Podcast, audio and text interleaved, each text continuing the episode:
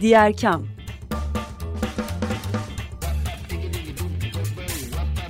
Sosyal fayda dünyasından fikirler, tartışmalar, haberler.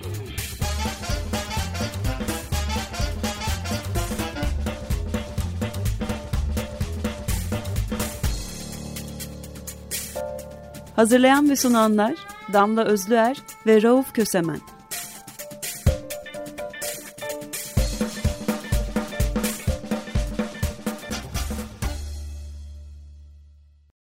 Herkese merhaba. Diğer kamdasınız Açık Radyo'da. Bugün Liderler Zirvesi'ni konuşacağız. UN Global Compact Türkiye'den e, Genel Sekreter Melda Çele bizimle birlikte. E, hoş geldiniz Melda Hanım. Hoş bulduk. Çok teşekkürler davetiniz için. Elbette ortağım Damla Özler de bizimle birlikte. İlk soruyu sorarak ben başlayayım. E, Global Compact nedir? Ne iş yapar? Neden var dünyada? Tekrar teşekkürler. Global Compact bir Birleşmiş Milletler girişimi.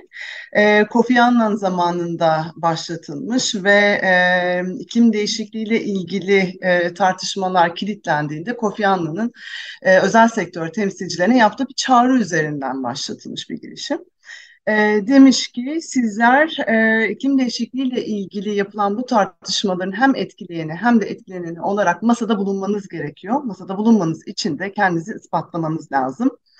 E, buna, bu çağrıyı duyan yaklaşık 35-40 şirket bir araya geliyor ve e, Birleşmiş Milletler tarafından kabul edilen e, sözleşmeler üzerinden 10 tane ilkeyi oluşturuyorlar. Bu ilkeler işte insan hakları, çalışma standartları, yolsuzlukla mücadele ve çevre alanında.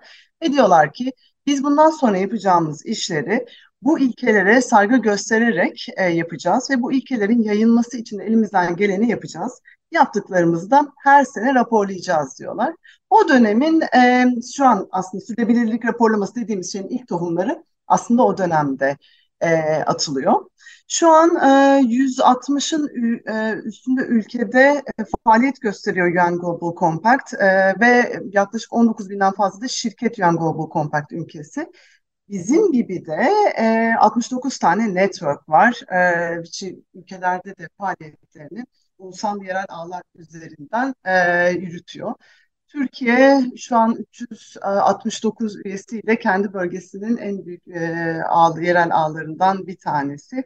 Bizler de şirketlerin sürdürülebilirlik uygulamalarını hem iç kapasitelerini artırmaları hem de e, yaptıklarını anlatabilecekleri ortamları yaratmak için e, çalışıyoruz, çalışmamızı devam ediyoruz. E, Mela bütün bu söylediğin arka plan aynı zamanda bugün hepimizin üzerinde konuştuğu e, sürdürülebilir kalkınma amaçlarıyla da örtüşüyor. Zaten büyük bir zihin haritası içerisinde ilerlemeye çalıştığımız ve iklim kriziyle ve onunla birlikte gelen pek çok eşitsizlikle, adaletsizlikle ve risklerle mücadele ettiğimiz bir dönemden geçiyoruz.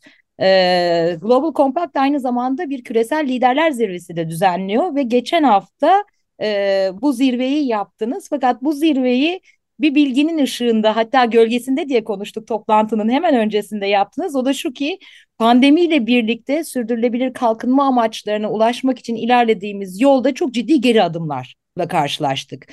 Yani hem eşitsizliklerin arttığı, bunların uçuruma dönüştüğü, hem e, bir yandan kadınlar ve kız çocuklarının çok zorlandığı ve oradaki hak kazanımlarının geriye düştüğü hemen hemen her e, adımda geriye düştüğümüz bir e, dönem oldu. Bu bilginin ışığında yaptınız küresel liderler zirvesini. Neler oldu, neler konuştunuz ve çerçeveyi nasıl çizdiniz diye soralım mı? Tabii ki, tabii ki. Çok teşekkürler bu soru için de. Şimdi aslında 2015 yılında e, bu sürdürülebilir kalkınma amaçları e, tanıtılmıştı hatırlarsanız. 2030'a kadar denmişti. 2023'te yolu yarıladık. E, ve bu sene neredeyiz, neler oldu e, yolun yarısında bir e, kendimize bir baktığımız, ayna tuttuğumuz bir dönem oldu. Ve e, dediğin çok doğru çünkü e, birçok alanda hele bir de e, işte Covid oldu, işte savaşlar çıktı, yüksek enflasyonla mücadele ettiğimiz, dünya çapında yüksek enflasyonla mücadele edilen işte aşırı hava olaylarının e, arka arka yaşandığı bir dönemdeyiz. Ve e, bazı alanlarda ilerleme çok e, yavaşladı. Bazı alanlarda hatta tersine gitti. E, özellikle e, hani şey rakam vermem gerekirse yüzde on beşte sadece e, ilerleme kaydedildi. Yüzde kırk sekizinde ilerleme çok azaldı. E, 37'sinde ise tersine döndü durum. Şimdi biz e, bu şeyle, bu bilgilerle aslında New York'a gittik ve Birleşmiş Milletler Genel Kurulu da bu bilgiler çerçevesinde gerçekleşti. Ve orada genel kurulda Antonio Guterres'in verdiği çok önemli bir mesaj vardı. Artık yani mazeret zamanı değil, kararlı bir şekilde eyleme geçmemiz ve anlamlı bir ilerleme kaydetmemiz gerekiyor dedi. Bu e, aslında önemli bir çağrıydı. Bir de e, her geçen gün e, aslında bizim bu ilerlememiz için kaybettiğimizde bir gün anlamına geliyor. Bir şey yapmadığımızda kaybettiğimizde bir gün anlamına geliyor dedi.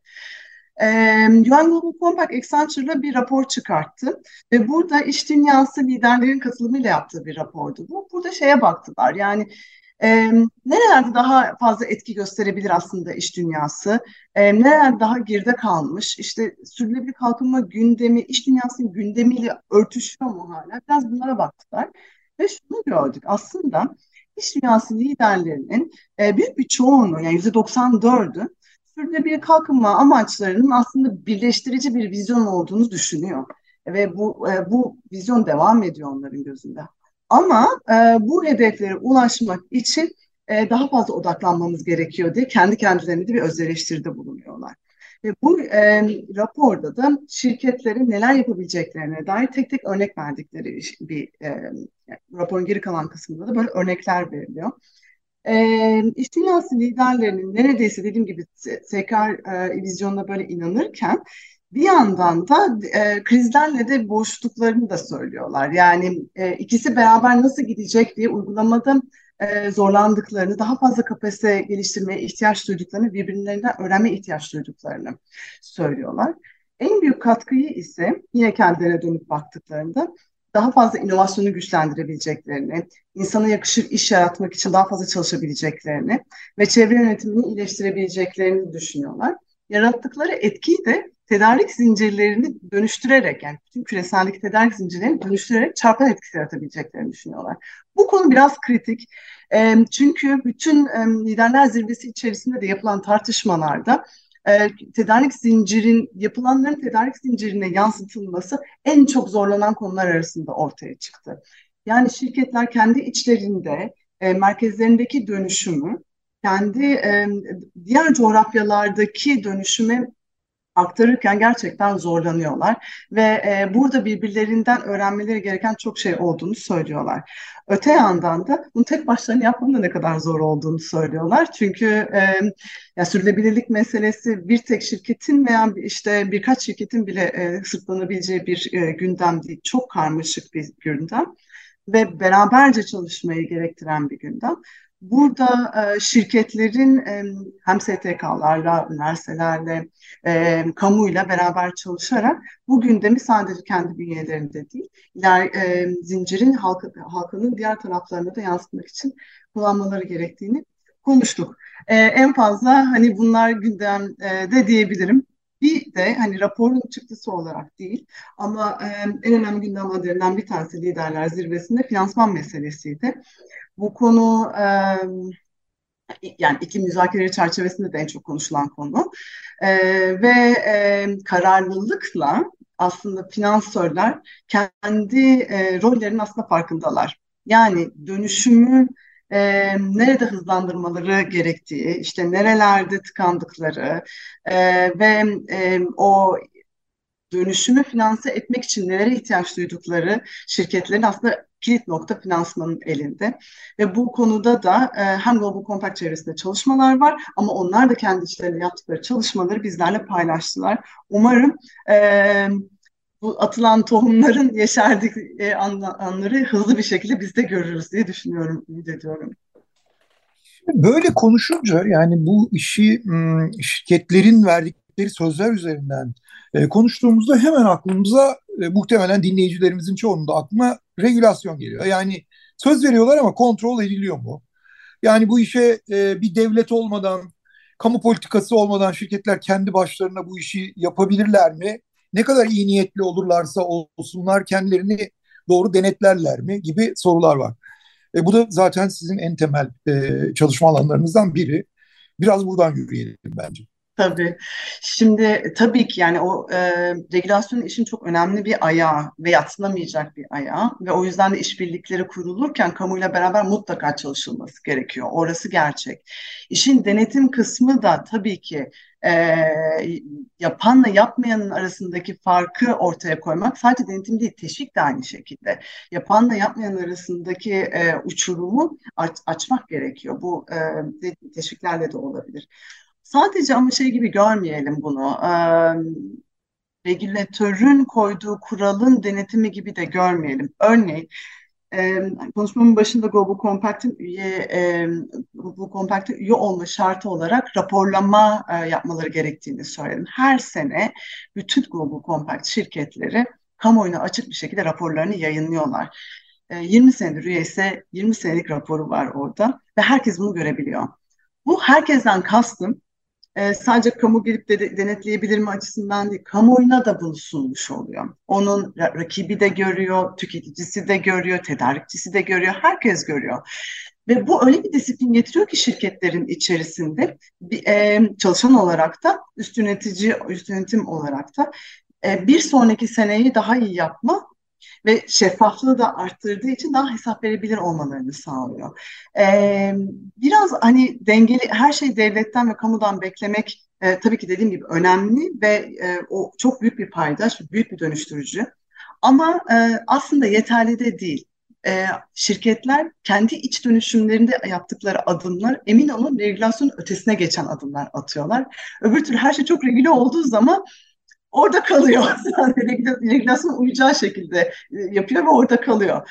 E, regülasyon ötesine geçecek adımlar aslında böyle daha gönüllü ama tırnak içerisinde gönüllü dediğim e, adımlarla daha hızlı ilerliyor. Ve e, tabii şeyi eklemek lazım. Yani ben altını çiziyorum sadece e, siz söylediniz. E, gönüllülük evet ama ek olarak da şeffaflık. Şeffaflık çünkü denetime doğrudan açıyor. Üstelik e, kamu denetimi derken sadece devlet olarak kamu değil bütün kamunun denetimini açıyor şey, şirketi. Tabii tabii kesinlikle. Evet. Milyonlar görüyor. Evet. Tam da bu noktada iş dünyasındaki bir kırılma anından bahsetmekte fayda var belki. Ee, iklim krizi öyle bir çoklu kriz olarak önümüze çıktı ki artık e, bundan sonra da iş dünyasının her şeyi eskisi gibi götürme şansı yok. O yüzden de Özellikle büyük şirketler dönüşümü daha hızlı bir vizyonla gördüler ve adapte oluyorlar. Fakat aynı zamanda bu dönüşümün e, küçük ve orta ölçekli işletmelere, işte tedarik zincirlerine vesaire de yansımasına ihtiyacımız var. Çünkü bundan sonra bu dönüşüme ayak uydurabilenler ayakta kalacak, diğerleri tasfiye olacak e, gibi görünüyor. Ee, Avrupa Birliği Yeşil Mutabakatı'yla da beraber gelen yeni uygulamalara baktığımız zaman iş dünyasının önünde biraz da zorunlu bir tercih olarak var bu dönüşüm. E, peki bu dönüşümde sizin bu bilgiler ışığında da başlattığınız e, forward faster yani daha hızlı daha evet. ileriye bir yolculuk e, haritası var. Biraz da o haritadan bahsedelim mi? Nasıl bir yol öngörüyorsunuz ve Forward Faster'la beraber ne yapmak istiyorsunuz? Aslında şöyle şimdi bu rapor çıktı ve e, daha hızlı ilerlenmesi gerektiği de ortaya çıktı şirketlerin e, taahhüt vermesini de bir raya sokmak gerekiyor ve onun e, somut, takip edilebilir e, ve onların raporladığı bir şekilde sokmak gerekiyor ki e, hem karşılaştırabilir olsun hem de biz de ilerlemeyi ölçebilelim diye. Forward Faster'ın aslında ana mantığı bu. Beş alanda e, toplumsal cinsiyet eşitliği, geçim ücreti, sürdürülebilir finans ve suyun korunması, iklim değişikliği ve suyun korunması alanlarında şirketlerin somut taahhüt vermelerini istiyor ve bu e, girişime üye olan şirketlerin her sene bu raporlarında bu konuyla ilgili neler yaptıklarını e, veri olarak yani girerek bu verileri girerek raporlaması bekleniyor. Bu sayede bizler e, hem ilerlemeyi e, net bir şekilde görebileceğiz hem de e, iş taahhütün ötesine geçmiş olacak. Ve bir artık hani e, gerçek ilerlemeyi e, şirket de görecek, bizler de görmüş olacağız. Forward Fast'ın amacı aslında bu. Peki Global Compact'in e, UN Global Compact artık bakış açısıyla Biraz da adımlardan bahsedelim. Özellikle Türkiye'de önümüzdeki 6 ay 1 yıl içinde hızla atmak istediğiniz adımlar neler? Ondan sonra gördüğünüz ufuk ne? Çünkü Türkiye'de aynı zamanda kamu dediğimiz e, siyasi devlet e, yapılanmasında da bir dönüşüm var. Paris İklim Anlaşması'nı geçirdikten sonra ve ulusal katkı beyanımızı da verdikten sonra e, orada da hareketlenme devam ediyor. Nasıl bir ufuk görüyorsunuz önümüzdeki günler için? Ee, bizler aslında çok da zamanlı bir soru oldu. Çünkü 2024 sonrası stratejimizi bitirmek üzereyiz. Ve e, yap, yaptıklarımızı dört ana başlık altında e, topladık. Bunlardan bir tanesi iklim değişikliği tabii ki. E, ikincisi sosyal kalkınma. E, üçüncüsü e, yönetişim konusu. Dördüncüsü ise genel olarak SKA'ların iş, iş yapış şekillerine entegrasyonuyla ilgili çalışmalarımız. E, iklim değişikliğinde iklim değişikliği çalışmalarımız devam edecek. E, bu e, hem bilim temelli hedef vermeleri için şirketlere e, iç kapasite arttırıcı eğitimler vermeye devam edeceğiz. Öte yandan da e, TÜSİAD'la ve SKD Türkiye ile beraber yaptığımız işbirliğiyle e, şirketin plastik e, kullanımının azaltımına yönelik çalışmalarımız sürecek. Yeni bir konu olarak adil e, iklim adaleti konusuna yavaş yavaş geçeceğiz. E, bu e, zor ve şey bir konu. E, Türkiye'de de iş dünyası tarafından e, tartışmaya yavaş yavaş başlanan e, bir konu. Bizim için de çok önemli. Global Compact'in de ana e, alanlarından bir tanesi şu an. E, sosyal kalkınma alanında toplumsal cinsiyet eşitliği, çeşitlilik kapsayıcı çalışmalarımız zaten var. Bunlar devam edecek. Geçim ücreti de biraz önce konuştuğumuz gibi yine ana e, temalarımızdan bir tanesi olacak. E, yönetişim alanı da önemli. Bütün bunları yaparken e, yönetişimi eğer konuşmazsak hiç, hiçbirisi bir yere oturmayacak, içselleşmeyecek. O yüzden e, yönetişim alanında da çalışmalarımız sürecek. E, genel SKA entegrasyonunda da daha bu konuya yeni yeni başlayan şirketler için 101 diyebileceğimiz içeriklerden kavramları oturttuğumuz e, ve işte raporlamaya giriş bu tarz eğitimlerimiz olacak. E, bir yandan da e, sürdürülebilir finansla ilgili çalışmalarımızı da bu çerçevede yürüteceğiz. Bu, buradan baktığımızda bu stratejiyi biz oluştururken bütün üye, üyelerimize sorduk, paydaşlarımızla e, görüştük e, ve e, Global Compact'in e, merkezdeki stratejisine baktık. Yönetim bunları harmanlayıp e, üç aşağı beş yukarı e, e, stratejimizin alt tabanını bu şekilde e, inşa etmeye başladık. E, Türkiye'deki gündem e, bence hani zor, zorlu bir gündemi yönetiyoruz tabii ki Türkiye'de. Çünkü yani e, ekonomik öncelikler her zaman e, bu tarz şeylerin önüne geçer mi acaba diye de bakıyoruz. Ama bence iş dünyası artık şunun da farkında. E, bu konularda adım atmamanın maliyeti e, gitgide artıyor. Yani şu an e, bundan 5 sene önce, işte 6 sene önce bu konuda işte daha maliyetli ben bu işlere girmeyeyim diyen şirket sayısı daha fazlayken şimdi yurt dışı ile iş yapmak istiyorsa, bir bankadan daha ucuza kredi almak istiyorsa bunların bu e, da, daha iyi iş anlamına geldiğinin farkında. E, ve ben e, bu hani gene Guterres'i burada anarak söyleyeceğim. Bu, bu mazeret artık aslında bir mazeret olarak kalmaya başladı. Yani bunu, bunu bence iş dünyası görüyor. Ee, ve bugünün bugünden adım atmak daha ucuz diyeyim. bunu beş sene sonra bu adımlar daha pahalı olacak. O yüzden e, günden bence e, yakın dönemde tekrardan bizi yakalayacak diye düşünüyorum. Bu arada e, Türkiye'de 369 üyesi var değil mi Global Compact Türk evet. ağının? E, bu 369 üyenin sayısını artırmak istiyorsunuz katılımlarla ve aynı zamanda tabii şunu da altın çizelim e, söylediğiniz bir şeyin e, özellikle tedarik zincirlerine sirayet ediyor. Yani 369 üyeden ibaret değil bu. E, çok daha fazla sayıda şeyi etkiliyor, şirketi etkiliyor. Önümüzdeki dönemde Türkiye bölgesinde mevcut üye profilini değiştirmek, arttırmak için neler var önümüzde görev olarak? Çok e, teşekkürler. Şimdi e, birkaç açıdan buna ilerlemeye çalışıyoruz. Bir tanesi sektörel olarak e, konuya bakmak, sektörel derneklerle işbirliği yaparak ilerlemek, bir tanesi bölgesel olarak ilerlemek. E, şu an zaten hali hazırda Bursa, İzmir, Antalya ve Denizli bölgesi bizler için öncelikli e, bölgeler ama e, yönetim e, işte Antep, Kayseri gibi e, bölgelerde de e, gel, daha fazla üye almak için çalışmalara başladı.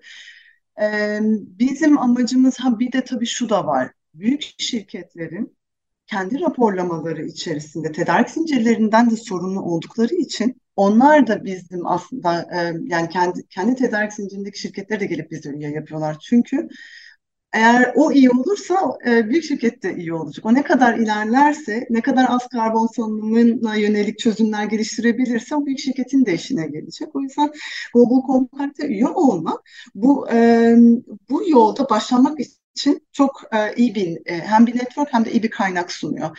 E, bir e, şeyimiz de o. E, giriş noktamız da o. Son konumda e, bankalarla beraber, finans sektörüyle beraber yakından çalışıyoruz. Orada e, 8 bankayla beraber e, bir bildirge imzaladı 8 banka ve kredi verme e, kriterlerini git her sene sıkılaştırıyor.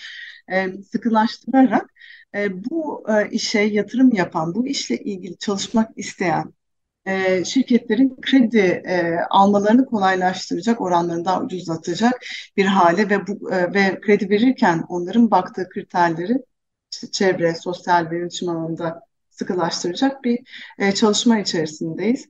Bu e, dediğim gibi hem işin e, bir şey kısmı var, teşvik kısmı var. E, ama e, bir yandan da işte denetimli raporlamaydı falan hani bu kısımlarda şeffaf olarak şirketler de kendi kendilerine aslında denetler hale geliyorlar. E, bizler de bu şekilde onlara hem destek olmaya hem de e, yerel ağımızı büyütmeye gayret edeceğiz şirketleri konuşuyoruz, onların yaptıklarını konuşuyoruz ve bir de büyük resmi konuşuyoruz ve her şeyi bir arada konuşmanın zorluğuyla karşı karşıyayız.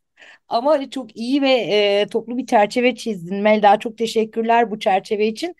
Şimdi tam da buradan şunu soralım. Son iki dakika, üç dakikaya girdik artık. O yüzden de o büyük soruyu soralım. Umut var mı sevgili Melda? Umut her zaman var. Umut var, umut var. Tabii ki var ve umut olmak zorunda yoksa zaten hani e, bütün bunları bir sonraki jenerasyona kendi nasıl anlatırız ne deriz bilmiyorum. O yüzden umut her zaman var. Şunu da söyleyeyim. Ee, iyi örnek şundan dolayı umut var diyorum. Ee, haberler hep kötü örnekleri paylaşıyor. E, ve biz aslında algımızı hep kötünün üzerinde e, yoğunlaştırıyoruz. Tabii ki geriye düştük. Tabii ki yapılması gereken çok fazla şey var. Ancak iyi olanlar da var ve iyi olan uygulamalar da var ve şirketlerin bunları duyurmaya da ihtiyacı var. Ee, ve ya sadece şirketlerin de demiyorum. Kurumların bunları duyurmaya da ihtiyacı var. Bence burada sivil toplum kuruluşlarına e, önemli bir de görev düştüğünü düşünüyorum. Bu iyi uygulamaların e, nasıl artırabiliriz, nasıl çarpan etkisi yaratırız? Buradaki iyi uygulama e, atıyorum Avrupa'daki başka bir ülkede nasıl kullanılabilir, oradakini buraya nasıl getirebiliriz diye bizlerin hep hem gözünün kulağının açık olması hem de bu fırsatları onlara yaratabiliyor olmamız lazım. Çünkü hani e, bu bir tek kişinin yapabileceği bir iş değil. E, hepimize de görev düşüyor yapan var. E, çok da iyi e, uygulamaları olan, çok iyi yerlere gelmiş. Hem genç nesillerde de bunları görüyoruz. Yapanlar var. Bunları sayısını artırmanın da görevi herhalde bize düşüyor diye düşünüyorum. Programın son dakikalarına girdik. Burada söylemek istediğiniz, eklemek istediğiniz başka neler var diye e, sorayım ve bitirelim arkasından. Ee, şöyle bir şeyle bitireyim. Ben e, gene en son hep aynı şeyi e, hani şirketler onları yapıyor, kurumlar bunları yapıyor. Bireyler de neler yapabilir diye birazcık belki konuşmak isterim. E, ben burada e, büyük bir sivil toplum savunucusu olarak da söyleyebilirim. Kişiler e, tabii ki evlerimizde, kendi hayatlarımızda e, çeşitli değişiklikler yapabiliriz. Yani burada güç güç kendi elimizde irade. Ama şunu da yapabiliriz. E, bu alanda faaliyet gösteren inanan, amacına inandığınız e, sivil toplum kuruluşlarına bireysel olarak da katkı vermenin çok önemli olduğunu onların çalışmalarını takip etmenin çok önemli olduğunu düşünüyorum. Bu sadece maddi katkı olmak zorunda değil. Hani öyle bir şey değil. Gönüllü olarak verilebilir. Bir uzmanlığınız vardır. Onunla ilgili verebilirsiniz. E, sivil toplumlara burada dediğim çok e, görev düşüyor. Onları da ayakta tutabilecek e, kişiler, bizler bireyleriz e, ve bunu, bunu başarabilirsek e, tabandan gelecek dalgayla e, yukarının liderlerin e, işlerini kolaylaştırabiliriz diye. Melda çok teşekkürler. Ee, 95.0 Açık Radyo'da diğer kamda Rauf Kösemen ve Damla Özler'le beraberdiniz ve UN Global Compact, Compact sevgili Melda Çelen'in sesiyle bizlerle beraberdi. Tekrar görüşeceğiz. Daha çok konuşacağız bu konularda ama şimdilik hoşçakalın. Hoşçakalın. Teşekkür ederim.